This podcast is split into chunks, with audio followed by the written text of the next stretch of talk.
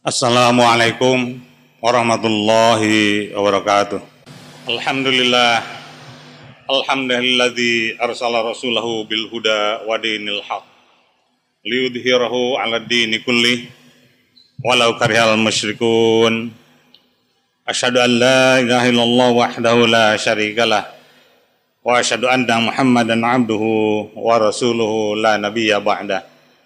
Allahumma salli ala Muhammad wa ala alihi wa ashabihi wa mawala. Amma ba'du. Fa ya ibadallah ittaqullah ittaqullah haqqa tuqatih wa la tamutunna wa la tamutunna illa wa antum muslimun. Jamaah Jumat rahimakumullah Marilah kita senantiasa bersyukur kepada Allah Subhanahu wa taala atas limpahan nikmat serta karunia-Nya. Khususnya pada siang hari ini kita dapat melaksanakan ibadah sholat Jumat di masjid yang mulia ini. Salawat serta salam semoga senantiasa dilimpahkan kepada junjungan kita Habibana Muhammad sallallahu alaihi wasallam. Jamaah rahimakumullah, pada kesempatan yang mulia ini, marilah kita bersama-sama berusaha untuk meningkatkan ketakwaan kita kepada Allah Subhanahu wa taala dengan takwa yang sebenar-benarnya, dengan takwa yang betul-betul seperti disebutkan Allah Subhanahu wa taala, yakni takwa yang terbit dari hati nurani kita. Fa innaha min taqwal qulub. Yakni takwa yang bersumber pada kesucian hati kita dan merupakan segala ucapan, perilaku, segala serta segala apa yang kita lakukan itu berasal atau bersumberkan pada keimanan serta ketakwaan yang memancar dari hati kita. Jamaah rahimakumullah. Alhamdulillah kita sekarang berada di dalam suasana yang baik khususnya dari suasana pandemi ini sudah mulai dalam keadaan aman ya. Meski kita tetap selalu waspada. Keadaan pandemi COVID-19 sudah mulai mereda dan karena itu di sana sini serta dalam berbagai aspek kehidupan kita secara individu maupun secara masyarakat sudah mulai berlangsung berbagai pemulihan, upaya untuk peningkatan dan lain sebagainya. Sedemikian juga tentu saja di dalam keagamaan kita yang merupakan bagian penting bahkan dikatakan utama ya, di dalam rangkaian kehidupan kita. Ya, marilah kita bahkan bukan hanya sebatas pemulihan untuk terus meningkatkannya dan menuju kepada upaya peningkatan keislaman atau keagamaan kita marilah kita bertolak juga dari perintah Allah Subhanahu wa taala di dalam surat Al-Baqarah ayat 8 Allah menyatakan Ya ayyuhalladzina amanu dhulu fisilmi kafah wala tattabi'u khutuwatis syaitan innahu lakum aduwwum mubin. Wahai orang-orang yang beriman, masuklah kamu ke dalam Islam keseluruhan dan janganlah kamu turut langkah-langkah syaitan. Sesungguhnya syaitan itu musuh yang nyata bagimu. Jamaah rahimakumullah, ada dua hal yang penting diperhatikan berdasarkan ayat ini, yakni pertama kita berislam hendaknya secara kafah. Pengertian Islam kafah di sini kalau berdasarkan bahasa ya secara total, secara keseluruhan dan janganlah kita mengartikannya sebagaimana kadang ada memberikan stigmatisasi ya terhadap Islam kafah itu Islam yang fundamental. Sesungguhnya ya keharusan semua muslim berislam secara kafah itu. Lalu masih menurut ayat tadi wala tattabi'uhu tuatis syaiton. Ini sebagai kebalikannya ya. Atau bisa dikatakan dengan Islam kafah seseorang muslim, seorang mukmin berarti mengikuti jalan Islam dan sebaliknya yang tidak mengikuti jalan Islam itu adalah mereka yang mengikuti jalan setan. Serta dianjurkan dalam ayat tersebut untuk menuju kepada keislaman yang kafah itu adalah salah satu cirinya adalah menghindari serta tidak mengikuti langkah-langkah setan. Jamaah rahimakumullah, kebetulan kita juga masih dalam suasana Sawal ya di pekan terakhir ini dari bulan Sawal. Ya, ini mengingatkan kembali juga kepada kita bahwa upaya untuk meningkatkan sebagaimana pengertian Sawal itu ya kita mesti bertolak dari apa yang telah kita latih, telah kita apa perbaiki dan telah kita lakukan selama bulan suci Ramadan. Nah, berbagai amal ibadah di bulan suci Ramadan itu pada dasarnya juga itu merupakan proses latihan selain ketika ibadah itu sendiri dan pemantapan kita di dalam berislam secara kafah. Nah, oleh karena itu jamaah rahimakumullah pengembangan keislaman secara kafah itu sebetulnya dalam hal apa saja.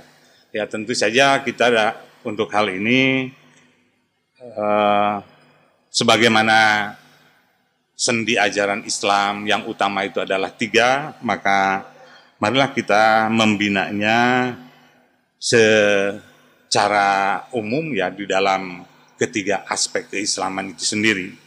Pertama, kita bina dalam segi akidah kita. Akidah yang berarti keyakinan atau keimanan mestinya tidak hanya terhenti pada pernyataan atau pengakuan saja bahwa Allah sebagai Tuhan kita dan pencipta alam semesta. Tetapi akidah yang seharusnya kita bina adalah akidah juga yang mewujud di dalam amal soleh serta lurus, bersih dari segala hal yang menyebabkan tercemarnya akidah kita. Dalam firman-Nya Allah Subhanahu wa taala menyatakan, "Wa'budullaha wa la tusyriku bihi syai'a." Sembahlah Allah dan janganlah kamu mempersekutukannya dengan sesuatu apa pun berdasarkan ayat ini sebagai implementasi pada keyakinan kita akan keesaan Allah, akan ketauhidan kita terhadap Allah Subhanahu wa taala, maka menurut ayat tersebut hendaknya dilakukan di dalam ibadah kemudian tidak mengotori sendi ketauhidan itu dengan perbuatan-perbuatan syirik. Jamaah rahimakumullah berkaitan dengan perilaku syirik ini sekarang banyak sekali celahnya ya dalam kehidupan kita. Bukan hanya datang dari sistem kepercayaan yang selama ini secara tradisional kita memahaminya dari perilaku-perilaku bid'ah, tahayul dan sebagainya. Tapi kecenderungan syirik kemungkinan juga datang dari ilmu pengetahuan. Kemodernan sekarang ini yang didasarkan pada kemajuan ilmu pengetahuan serta teknologi bisa saja membuat atau bisa saja mendegradasikan sendi akidah serta ketahuidan kita. Maka tidak sedikit juga dengan alasan ilmu pengetahuan lalu mengotak-atik sendi-sendi keislaman maksudnya mungkin baik tapi lalu dengan pikiran-pikiran liberal ya sehingga di pihak lain mengesankan bahwa itu justru sebagai penistaan agama. Ya memang demikian eh, karena alasan ilmu pengetahuan, alasan liberalisme dan lain sebagainya. Tapi sesungguhnya kalau untuk keislaman yang sangat fundamental, khususnya menyangkut masalah akidah, tidaklah bisa dikembangkan secara hanya akal nalar, hanya dengan nalar akal, apalagi nalar akal yang bebas. Sebab segi akidah atau khususnya berkaitan keimanan itu sumbernya hanyalah atau hakikatnya adalah dalam bersifat ruhania yang itu hanya bisa ditangkap dengan kemampuan atau keadaan hati kita yang bersih dan ketersambungannya dengan uh, hakikat Allah Subhanahu wa taala. Lalu yang kedua, jamaah rahimakumullah keislaman yang mesti terus kita bina yakni di bidang ibadah. Ibadah dalam arti menjalankan segala rukun Islam secara kapah berarti secara menyeluruh ya. Dan bukan hanya berhenti sebagai pengetahuan serta pengakuan atas kewajiban-kewajiban yang harus dilakukan oleh seseorang muslim. Dalam hal ibadah ini selain gejalanya yang sangat umum kita lihat tidak tercermin di dalam perilaku mereka yang mengaku Islam banyak sekali mengaku Islam tapi lalu tidak ditunjukkan di dalam perilaku ibadah yang sebagaimana diwajibkan oleh agama yang diakuinya itu. Tetapi juga banyak perilaku ibadah yang justru dilaksanakan sebatas formalitas. Sebatas formalitas. Sebatas gugur untuk memenuhi kewajiban, gugur kewajiban. Sehingga pada gilirannya belum secara langsung ber pengaruh atau berimplikasi terhadap kehidupan yang lebih baik. Dan dalam hal ini setidaknya kita mengacu kepada apa yang disabdakan oleh Rasulullah SAW agar ibadah itu setidaknya dilaksanakan secara istiqomah dan juga secara solihah. Ya. Secara istiqomah Rasulullah menyatakan di dalam sabdanya yang artinya ketahuilah bahwa amalan yang paling dicintai oleh Allah taala adalah amalan yang kontinu. Amalan yang ajeg walaupun sedikit. Dan barang siapa yang beramal suatu amalan yang tidak ada perintah dari kami maka sungguhnya itu tertolak. Kemudian yang ketiga, jamaah rahimakumullah, sebagian bagian dari proses kita di dalam mengembangkan keislaman secara kafah itu yakni di bidang akhlak atau apa yang biasa disebut sebagai segi ihsan dari Islam ya. yakni kita membina keislaman itu dengan sifat-sifat soleh sifat-sifat ihsan baik dalam pribadi yang mewujudkan akhlakul karimah maupun dalam bermasyarakat yang mewujudkan uh, berbagai perilaku muamalah yang solihah yang selalu membawa dampak positif dan bermanfaat bagi diri sendiri maupun bagi orang lain. Rasulullah juga bersabda, sebaik-baik manusia adalah yang bermanfaat bagi manusia yang lain. Jamaah rahimakumullah. Lalu bagaimana membina ketiganya yang efektif kita lakukan. Atau dengan kata lain, bagaimana memasuki pintu Islam kafah itu? Apa kuncinya? Nah maka dalam hal ini, kunci yang utama adalah kita menjalankan sholat. Tetapi di dalam proses sholat itu, itu ada dua hal yang bisa kita kembangkan terus, yakni proses atau upaya kita untuk selalu ingat artinya zikir kepada Allah Subhanahu wa taala. Dalam hal ini zikir atau mengingat Allah juga sebaiknya tidaklah hanya sebatas lalu kita mengucapkannya atau menyebut-nyebutnya, tapi mengingat Allah itu sungguhnya adalah perbuatan hati dan betapa besarnya pengaruh dari keajegan kita selalu mengingat Allah dengan berzikir baik secara lisan itu mau dan apalagi bertolak dari perbuatan hati. Sebagaimana Allah nyatakan ya ayyuhalladzina amanu dzkurullaha dzikran katsira wasabbihu bukrata wasila huwallazi yusalli alaikum wa malaikatahu liyuhrijakum minad dhulumati ilan nur wa kana bil mu'minina rahima wahai orang-orang yang beriman berzikirlah kamu kepada Allah dengan zikir yang banyak dan tasbihkanlah dia di waktu pagi dan petang dialah Tuhan yang memberi rahmat kepadamu dan juga malaikat-malaikatnya memohonkan ampun kepadamu agar dia mengeluarkan kamu dari kegelapan menuju cahaya terang. Kalimat terakhir mari kita garis bawahi. Jadi bahwa untuk menuju kepada suasana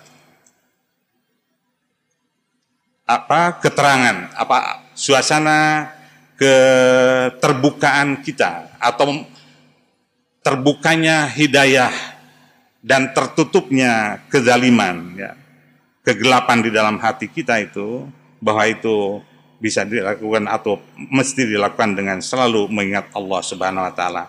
Sebab dengan selalu mengingat Allah Subhanahu wa taala menurut ayat ini bahwa Allah Subhanahu wa taala akan mengeluarkan, akan menyingkapkan kegelapan dan menuju kepada cahaya terang beneran. Kegelapan itulah sesungguhnya atau kezaliman ya dalam bahasa Arab ini sesungguhnya yang e, menjadi problematika khususnya dalam kehidupan keagamaan sebagaimana saya sebutkan tadi di atas. Maka oleh karena itu dengan proses selalu mengingat Allah Subhanahu wa taala kita berarti berusaha untuk menyingkap kegelapan itu menuju kepada suasana terang benerang di dalam kehidupan ini.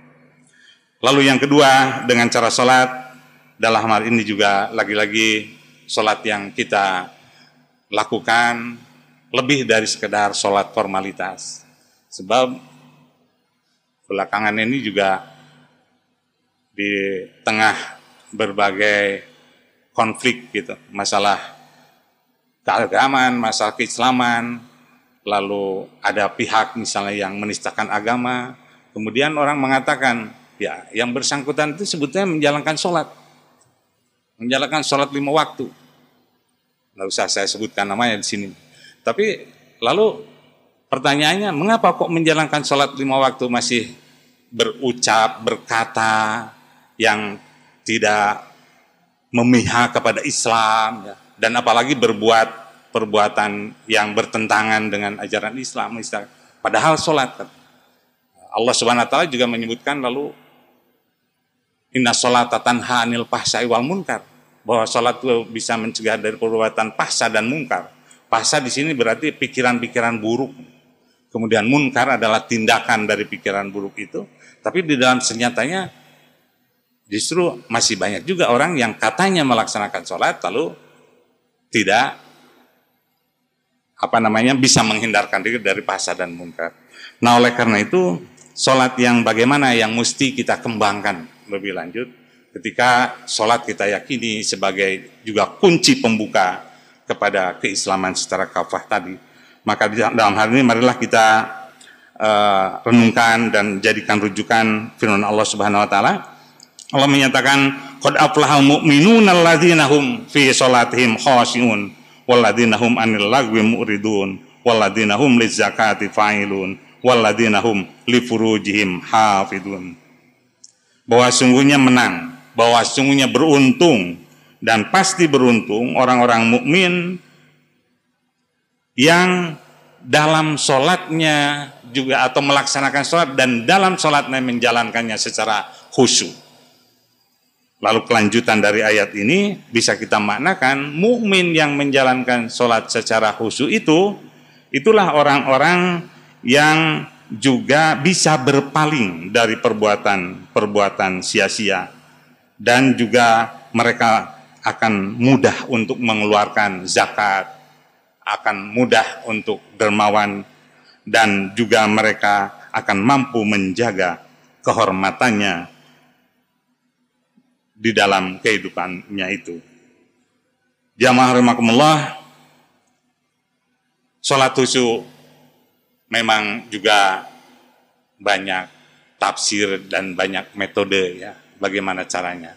Tetapi yang penting dalam hal ini secara umum sebetulnya bagaimana ketika sholat itu kita secara kafah pula, secara total juga hanya mengingat Allah. Hanya mengingat Allah Subhanahu wa taala. Mengingat Allah di mana? Ya Allah tidak di mana-mana tempatnya. Tetapi kalau mengingat Allah sebagaimana diperdomankan bahwa kita di apa disyaratkan sholat itu menghadap kiblat maka setidaknya mengingat Allah itu di dalam lingkungan kiblat itu yakni di Baitullah pada hakikatnya bagaimana suasana rasa kita suasana batin kita eh, mencapai kehusuan dengan mengingat Allah Subhanahu wa taala di Baitullah itulah salah satu ciri dari melaksanakan sholat secara khusyuk. Jamaah rahimakumullah itulah kiranya yang dapat saya sampaikan. Sekali lagi marilah di dalam suasana yang menuju kepada kebaikan, apa suasana kedamaian, suasana aman dari musibah ini kita tetap waspada dan tetapi juga kita berusaha terus untuk meningkatkan keislaman kita sebagai apa namanya sebagai upaya kita di dalam mendekatkan diri kepada Allah Subhanahu wa taala. Barakallahu li wa lakum bil Qur'anil azim wa nafa'ani wa iyyakum bima fihi minal ayati wal dzikril hakim wa taqabbala minni wa minkum tilawatahu innahu huwal ghafurur rahim.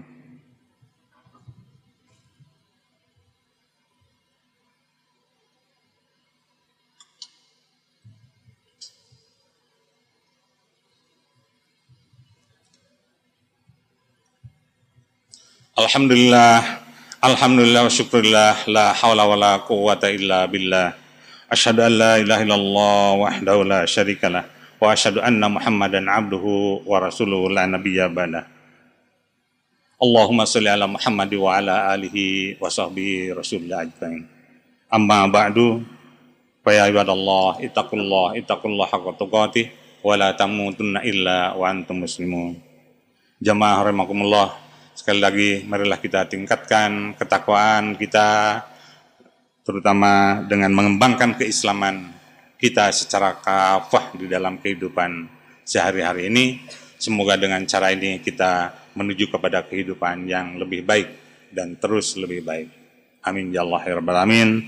Dan selanjutnya marilah kita berdoa mohon kepada Allah Subhanahu wa taala untuk segala keperluan kehidupan kita dan juga kebahagiaan kita di dunia serta mencapai keberkahannya bagi akhirat nanti. Amin ya Allah ya rabbal alamin.